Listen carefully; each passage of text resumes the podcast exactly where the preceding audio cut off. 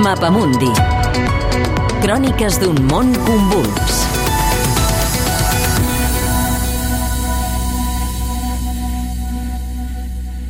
Nobels de la Pau. Premis en peu de guerra.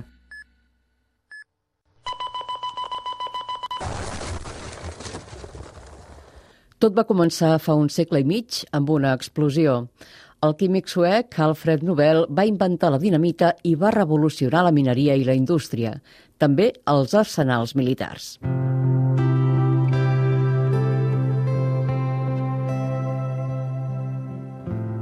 Convertit en magnat, sense parella ni fills, Alfred Nobel llega al seu testament la seva immensa fortuna a una fundació que durà el seu nom i anualment premiarà els avenços més destacats de la humanitat, inclosa la pau.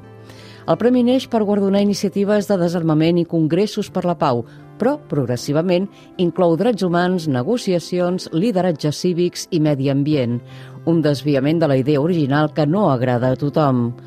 El jurista noruec Fredrik Heffermel ho critica un llibre recent, Nobel, l'altra cara de la moneda.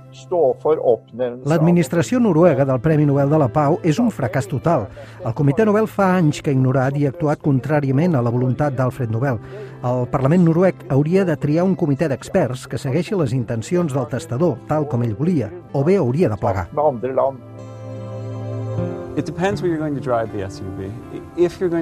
Entre les veus crítiques nord-americanes figura la de l'influent expert en qüestions ètiques del diari New York Times, Randy Cohen, que proposa que es revoqui si el guardonat actués contra els valors que el premi consagra. It is um, given to Africa, given to Ethiopia, aquesta és la veu del primer ministre d'Etiòpia, Abiy Ahmed, tot just fa un any, acceptant el Nobel de la Pau per haver posat fi a 20 anys de guerra amb la veïna Eritrea.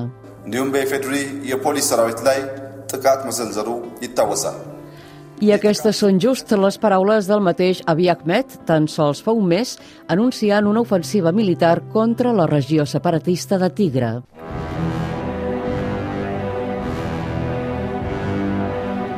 L'actitud bèl·lica del premiat ha aixecat polseguera. També el cas d'Aung San Suu Kyi, lluitadora pels drets humans a Birmània. Se l'acusa de genocidi contra la minoria musulmana Rohingya. Li han retirat el Premi Internacional Sájarov que atorga el Parlament Europeu. Hauria de ser revocable el Nobel. Jordi Armadans és director de Fundipau i expert en conflictes. D'alguna manera, donar el premi eh, és una és un reconeixement, és una projecció, és, i amb el temps doncs, eh, aquest compromís per la pau que d'alguna manera se li suposava doncs es veu que no és així, doncs eh, òbviament jo penso que estaria bé que el premi eh, poder revocar. Seria una manera d'exigir de, una certa coherència i un cert compromís. Cristian Herbolzheimer, director de l'Institut Català Internacional per la Pau el criteri del Premi Nobel el comparteixo.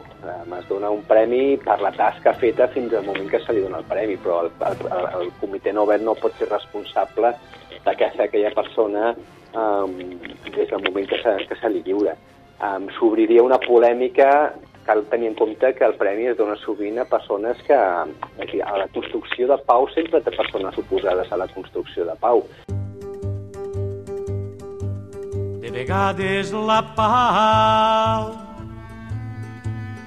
No és més que por.